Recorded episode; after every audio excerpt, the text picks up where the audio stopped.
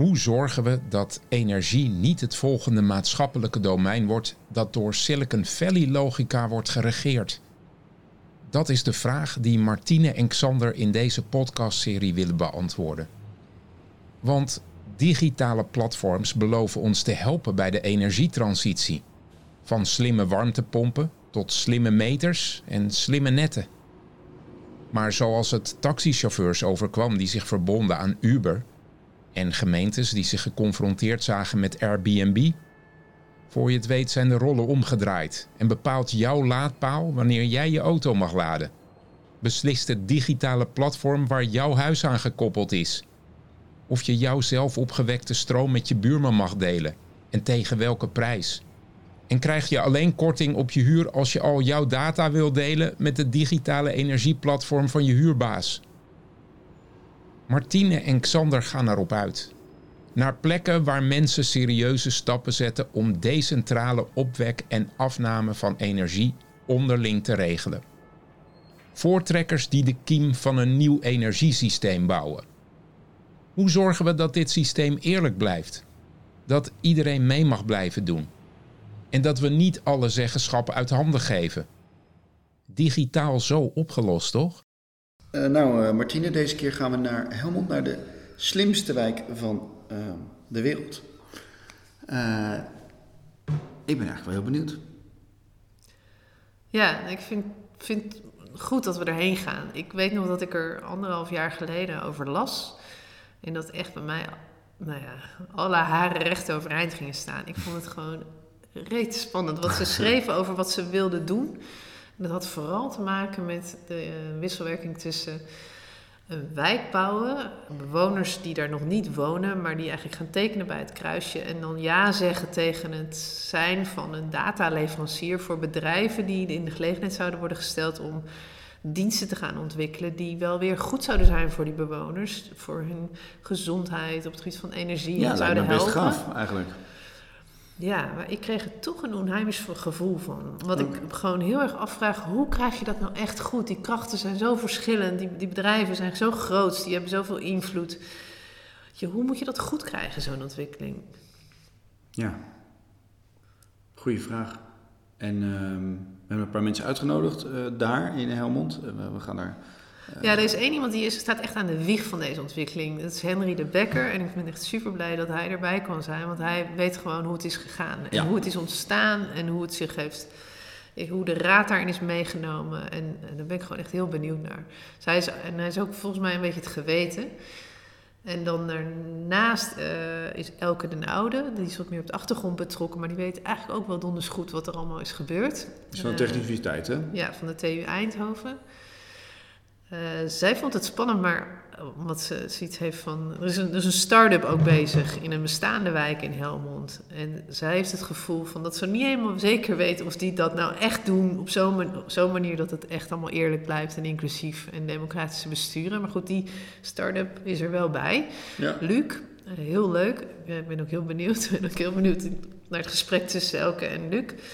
En um, uh, dan is er nog uh, dat was voor mij een verrassing, maar we, we ontmoeten elkaar in Casa 1.0.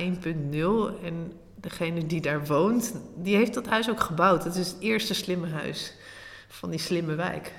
Leuk. Dat is een student. En die weet er vast meer van dan we denken. Ja, ik heb er zin in. Ik ook. Ik ben heel benieuwd. We zijn bij de Casa 1.0. Dit is Antoine Post, de bewoner van Casa 1.0, waar Martine het zojuist over had. Casa 1.0 is een uh, comfortabel, betaalbaar en duurzaam alternatief voor sociale woningbouw. Die hebben we uh, ontwikkeld vanuit uh, Team Casa. En Team Casa is weer een studententeam van de TU Eindhoven. dus een jaar of zes geleden ben ik zelf begonnen met, er kwam een beetje het idee op van, goh, kijk naar de bouwwereld en nou, daar gaat de innovatie wat ons betreft niet snel genoeg. Uh, toen dacht ik van, nou, dan gaan we het als studenten zelf maar doen. Um, simpel gezegd, moeilijk uitgevoerd. Um, dus vandaar zes jaar later nou, hebben we na zitten denken over eigenlijk elk aspect van de innovatie. We hebben na zitten denken over het bouwproces, over het innovatieproces wat erachter zit, over de installaties, de energie, nou ja, de monitoring daarna, uh, ook de privacy issues die daarbij komen kijken. Um, we hebben een soort van een beetje heel veel hooi op ons voorgenomen om te kijken wat gebeurt er als je dat allemaal in één project proberen te stoppen? Wat kom je dan allemaal tegen? Het antwoord is heel veel dingen. en dat maakt het ook heel leuk. Ehm, en vooral gewoon bijzonder dat we het uiteindelijk toch hebben kunnen realiseren samen met een heel aantal nou, bedrijven en partners natuurlijk. Maar jij, jij, woont hier ook echt? En ik woon hier dus, ja, ik ben zelf uh, zeg maar proefkonijn uh, voor de eerste woning. Dus uh, vanaf het begin van het project meegedraaid en nu aan het testen en aan het uh, uitproberen hoe het is.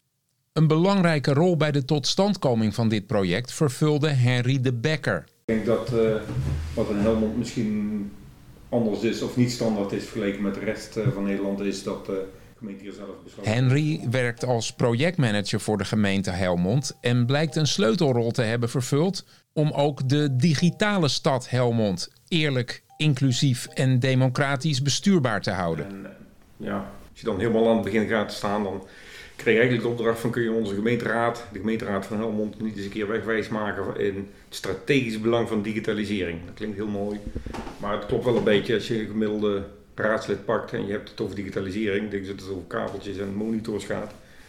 Maar eh, als je goed verdiept in digitalisering, dan weet je gewoon dat dat eigenlijk van strategisch belang is voor elke bestuurlijke organisatie, maar eigenlijk voor alle inwoners. Uiteindelijk gaat dat gewoon je leven ingrijpend veranderen, verbeteren als het goed is. Daar ligt nog wel een serieuze uitdaging om het ook een verbetering te laten zijn. Maar een aantal van die sessies uh, gehouden, eentje over glasvezel. En het einde van het liedje was van, hey, als we hier al 17 jaar zitten te wachten op fatsoenlijke infrastructuur, waarom gaan we het zelf niet doen? Nou, daar heb ik destijds een aantal business case voor gemaakt. Het einde van, het einde van het liedje was, uh, we gaan het hier met een bedrijf samen realiseren. En ja, nou goed, ik zeg maar even als beloning krijg je dan ook nog de opdracht om het zelf uit te gaan voeren. Dus uh, ja. zo is het eigenlijk gekomen. Dus het glasvezelverhaal. En tegelijkertijd wil ook een gemeente, dus we gaan niet alleen huis aansluiten, ook de openbare ruimte krijgt glasvezel. Dus overal in Helmond kun je straks op een willekeurig punt in de openbare ruimte inpluggen op glasvezelinfrastructuur.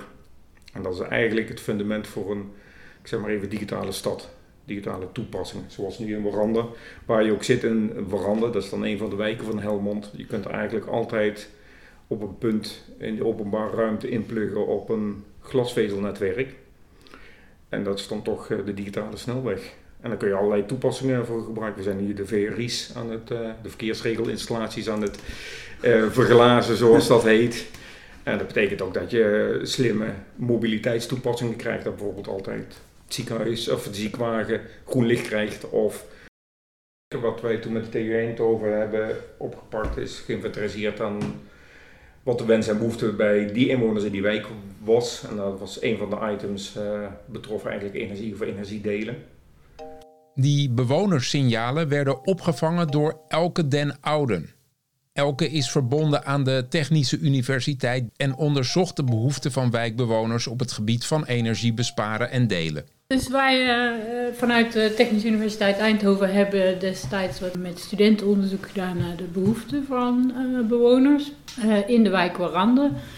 Um, en daar kwamen negen verschillende onderwerpen uit, maar één daarvan was energiedelen. En um, dat is ook meteen de reden, de, een van de redenen waarom we die gekozen hebben als een van de drie om die verder uit te werken, is dat deze achter de voordeur komt. Dus heel veel andere oplossingen voor verbetering van groenbeheer of zo in de openbare ruimte, die blijven keurig op straat, zullen we maar zeggen. Dus daar zitten veel minder issues aan. En uh, deze gaat ingrijpen op het leven bij mensen. En gaat dus ook meteen over, ja, over privacy, over welke data we dan delen, wat is daaruit af te lezen. Ging meteen een soort van oh mijn god, ze vragen er echt om. En dat dan weet je. Nu al, hè? Ja, dus dat gebeurt nu. Ja. Maar dan gaat dat over data die heel diep in je huis zitten. En die je om een goede reden, want wat Luc uitlegt, dat, dat kwamen wij dus ook steeds tegen. Mensen willen bij wijze van spreken energie delen met buren die in energiearmoede zitten. Daar hoeft niet een grote vlag op de deur te hangen. Energiearmoede achter deze voordeur voor mij zijn dat nobele initiatieven die je eigenlijk wil ondersteunen. Maar waar dus als het verkeerd geïmplementeerd wordt een zwart randje aan zit. En tot slot van dit gezelschap horen we Luc Wiehink. Luc is medeoprichter van Wijk I. Een digitale oplossing voor bewoners in een wijk die energie willen besparen door inzicht te krijgen in hun verbruik en energie te delen op wijkniveau. Wijk I is nu in de Helmondse wijk Warande aan het doen wat de TU had uitgedacht. Um, ja, we zijn eigenlijk gewoon een start-up en wij, en wij werken met real-time data. Dus ieder huishouden in Nederland die krijgt een slimme meter. Met, met de slimme meter zelf kun je nog niet heel veel, want nou ja, eigenlijk is hij niet slim genoeg. Je kunt hem uitlezen, maar altijd historisch. En als je energie wil delen en je wil besparen, dan moet je eigenlijk nu zien wat er gebeurt. Je wil dat live zien. We hebben daar een dongle voor ontwikkeld, die plug je in en dan halen we die data eruit. En vervolgens nou, kunnen we allerlei dingen doen met die data. Niet geheel onbelangrijk, hoe heet het product eigenlijk? We noemen het energie delen en besparen in waranden. Dus gewoon precies wat het is. En hoe we het nu hebben ingericht is bewoners zien alleen hun eigen data en de data van de groep. Martine vraagt of Wijkie alleen een digitale laag is. Of dat het ook werkelijk tot besparing en delen leidt. We mogen dat niet met elkaar afrekenen. Dat mag inderdaad helaas nog niet. Dat zouden we wel heel graag willen. Dus nu uh, is het bij ons puur nog een stuk inzicht. En mensen meenemen in die hele gedachtegang en die transitie. We hebben ook pilots gedaan dat we mensen belonen met punten. Dus dat we daarin goed gedrag belonen. En die punten die konden ze uitgeven in de wijk, ondernemers en dergelijke. Ja. Uh, dus dat soort modellen. Daar Sander wil weten hoe Wijkie precies werkt. Ik woon daar en dan, uh, dan, meld ik me gewoon aan met mijn adres. En dan, uh, en, dan, en dan krijg je een earning pakketje thuis. Die sluit je aan en, en dan ben je online eigenlijk. En dat earning pakketje bestaat dan uit een energiemonitor. Die plug je in de slimme meter. nou, je maakt een account bij ons aan. Uh, je downloadt de app, je, doet, nee, je, je, sluit de energiemonitor aan, dat doe je over de wifi. Dus glasvezel is uiteraard ook gewoon cruciaal. Uh, want er moet gewoon internet zijn, goed internet zijn in zo'n wijk. Uh, dus die sluit hij aan, dan is die online en op dat moment doet hij mee. Bijzonder hoe Helmond de stappen zet om dit alles op een maatschappelijk verantwoorde wijze mogelijk te maken. Zo stond Helmond ook aan de wieg van een digitaal convenant. Waar Luc zijn handtekening onder moest zetten, wilde hij de opdracht van de gemeente krijgen om wijkie in de wijk Warande uit te rollen. Leverde dat vertraging op? vraagt Xander. Misschien het begin. In het begin hebben we heel veel tijd aan besteed om het helemaal goed in te regelen. En dat het allemaal goed is afgesproken. Dus dat was heel waardevol. Uh, dat kost ook heel veel tijd. En dan moet je gewoon de tijd voor nemen, denk ik, op voorhand van zo'n project. En dat het ook heel gevaarlijk is om maar gewoon erin te vliegen en het dan nog allemaal te regelen. Op voorhand hebben we dat eigenlijk heel goed uh, ingeregeld. En volgens mij wat ook heel belangrijk is, kijk, de data die we nu gebruiken, gebruiken we puur voor energie delen en energie besparen bij de huishoudens zelf. Dan hebben de huishoudens zelf altijd zeggenschap over en ze delen ook altijd zelf die data. Voor de rest wordt die data aan geen enkel ander systeem gekoppeld of aan andere data gekoppeld. En ik denk als je dat gewoon heel goed afschermt van die data mag voor dat doel worden gebruikt en dat is het, uh, dan geeft dat al heel veel veiligheid, denk ik. Mooi hoor, allemaal. Maar Martine is toch op een gezonde manier argwanend. Wat nu als Wijkie overgenomen wordt door Google en er commerciële motieven gaan meespelen? Zijn bewoners wel zo databewust dat ze weten wat ze doen als ze ja zeggen tegen datadelen? Hebben ze de consequenties door? Vanuit gemeentelijk perspectief, eh, tenminste vanuit eh, Helmond, is wel gezegd van we willen niet dat alles vercommercialiseerd wordt. Dat is een iets ander model, dat is minder marktwerking kun je ook zeggen. Maar dat is uiteindelijk wel gedaan met het belang op, uh, van, van de inwoners zelf. Ik heb wel gemerkt dat de aanleg van glasvezel gewoon een versneller kan zijn. Heel plat gezegd, KPN Ziggo heeft geen enkel belang erbij om zorgtoepassingen gratis beschikbaar te laten zijn over een netwerk of energietoepassingen. Dat wordt voor hun pas interessant op het moment dat het een commercieel verdienmodel wordt. Hier is ook het gedachtegoed dat er eigenlijk een vereniging van eigenaren, van data-eigenaren komt. Dus de inwoners zelf die hun data gaan beheren. Het wordt duidelijk dat Helmond met veel kennis en kunde beslissingen heeft genomen over de manier waarop de stad slimmer wordt. Daardoor kon de gemeente haar rug recht houden. En dat is hartstikke lastig, gegeven hoe snel ontwikkelingen gaan en hoe weinig bestuurders en ambtenaren echt snappen van waar digitalisering over gaat. Maar is dat ook voor de toekomst geborgd? Daar maakt Henry zich wel zorgen over. Ik denk dat de belangrijkste boodschap die ik wilde afgeven was eigenlijk wel van als je naar het samenleving wil gaan waar mensen zoveel mogelijk zeggenschap hebben, ongeacht of ze dat heel bewust doen of onbewust doen, dan ligt er nog altijd wel een rol voor de overheid om te borgen dat het netjes blijft. En mijn nachtmerriescenario zit erin dat uh, ik zeg maar alles, alle Google, Facebook, uh, je verwoordt tot een verdienmodel van grote techbedrijven. Antoine, de bewoner van Casa 1.0, waar Xander en Martine te gast zijn, heeft nog een stap verder gedacht. Hij ziet het voor zich dat een stroomnet in nieuwe wijken op gelijkstroom werkt, waardoor je met minder data wel energie kan uitwisselen. Daarmee blijft de menselijke maat geborgd. Door de manier waarop je zeg maar, je installaties ontwerpt, kan je ook voorkomen dat je opeens heel veel data moet gaan uitwisselen. En dan kan je bijvoorbeeld, nou ja, terug waar we het net over hadden, dan kan je bijvoorbeeld per groepje van 10 appartementen, bij wijze van spreken, gaan kijken hoe kunnen we die data gaan uitdelen. En dan wordt het al een stukje minder zwaar. Want als je dan gehackt wordt, ja, vooruit, ja, dan heb je niet iedereen individueel data uh, verzameld. Die hebben we niet nodig. Dat, dat gaat intern, daar hoef je niks voor op te slaan. Gaat vanzelf, hoef je niet aan te komen. Dus de vraag, hoe hou je dat zeg maar begrijpbaar voor, zeg maar, voor, voor de mensen die erin moeten gaan wonen? Want ik denk het doel is niet dat je inderdaad hier in Brainport District komt te wonen en dan denk poeh, zo, daar gaat mijn leven op straat. en dat kan je dus wel goed voorkomen door daar nou ja, van tevoren over na te denken. Volgens Martine gaat het daarmee ook over integriteit. Hoe houd je het integer?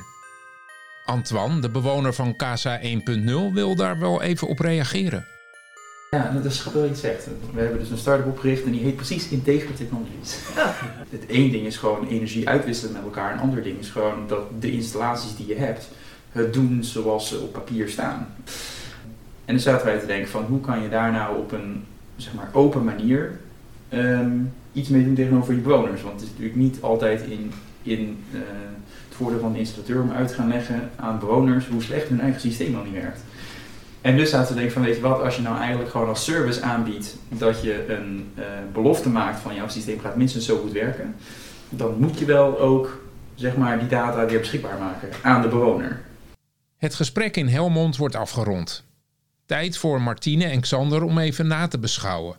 Uh, nou Martine, dat was een interessante uh, middag in Casa 1.0, midden in dat weiland uh, bij, bij Helmond. Hoe zit het met je kippenvel op je armen? Nou, ik, ben, ik moet eerlijk bekennen, ik ben echt onder de indruk van hoe Helmond dit, die, eigenlijk die, die ontwikkeling van digitalisering heeft omarmd. Op echt, een, voor mij was dat echt een hele verantwoordelijke manier, een hele goede manier. Dus je ziet wel de potentie en ze zien de risico's. Ze hebben de raad er helemaal erin meegenomen. Ze, zijn echt, zich echt, ze weten echt wat ze doen. Ja, ik ben echt onder de indruk. En tegelijkertijd als je zegt, heb je nog, staan, je, staan die haren leggen nog overeind? En dan denk ik, nou, ik ben nog wel bezorgd. Uh, omdat Henry eigenlijk zelf aangeeft van nou, de raad nu is zich dus heel, digita is heel digitaal bewust, denkt strategisch na over digitalisering, maar dat hoeft niet zo te blijven. Die kennis kan ook verdwijnen. Dat moet je wel up-to-date houden. En digitalisering op zichzelf, de manier waarop zich dat ontwikkelt, je moet dat bijhouden, die kennis. Dat vraag ik me dus af. Hoe doen ze dat? En, en daarmee, je, ik, ik, woon zelf in een wat kleinere gemeente. Helmond is best een grote gemeente. Die hebben die capaciteit, die hebben die investering gedaan. Um, ja, hoe gaat het in de rest van Nederland? Hoe gaat het in de rest van Nederland? En, en, en zijn we niet een beetje gekke Henkie als we erop vertrouwen dat gemeentes dit aankunnen? Ik ben heel benieuwd hoe Rini hier naar kijkt. Ja, dat, ik ben echt oprecht benieuwd. Want volgens mij heeft hij met heel veel gemeentes in Nederland gesproken. En heeft hij echt een meer soort meta-overzicht van, van of dit nu goed gaat in Nederland. Ja. Kom, we gaan naar Rini. Yes. Rini, waar Xander het over heeft, is professor Dr.-ingenieur Rini van Est van het Rathenau Instituut. Hij houdt zich bezig met de energietransitie en de digitale transitie. Xander en Martine spreken hem onder andere over het initiatief in Helmond waar ze zojuist zijn geweest. Wat gebeurt hier nou eigenlijk? En wat betekent dit voor de rest van Nederland? Dit was aflevering 4a van Met de stroom mee. Bezoek topsectorenergie.nl slash mvi of clubvanwageningen.nl voor de andere afleveringen. Ook vind je daar interessante achtergrondinformatie zoals extra interviews en leestips.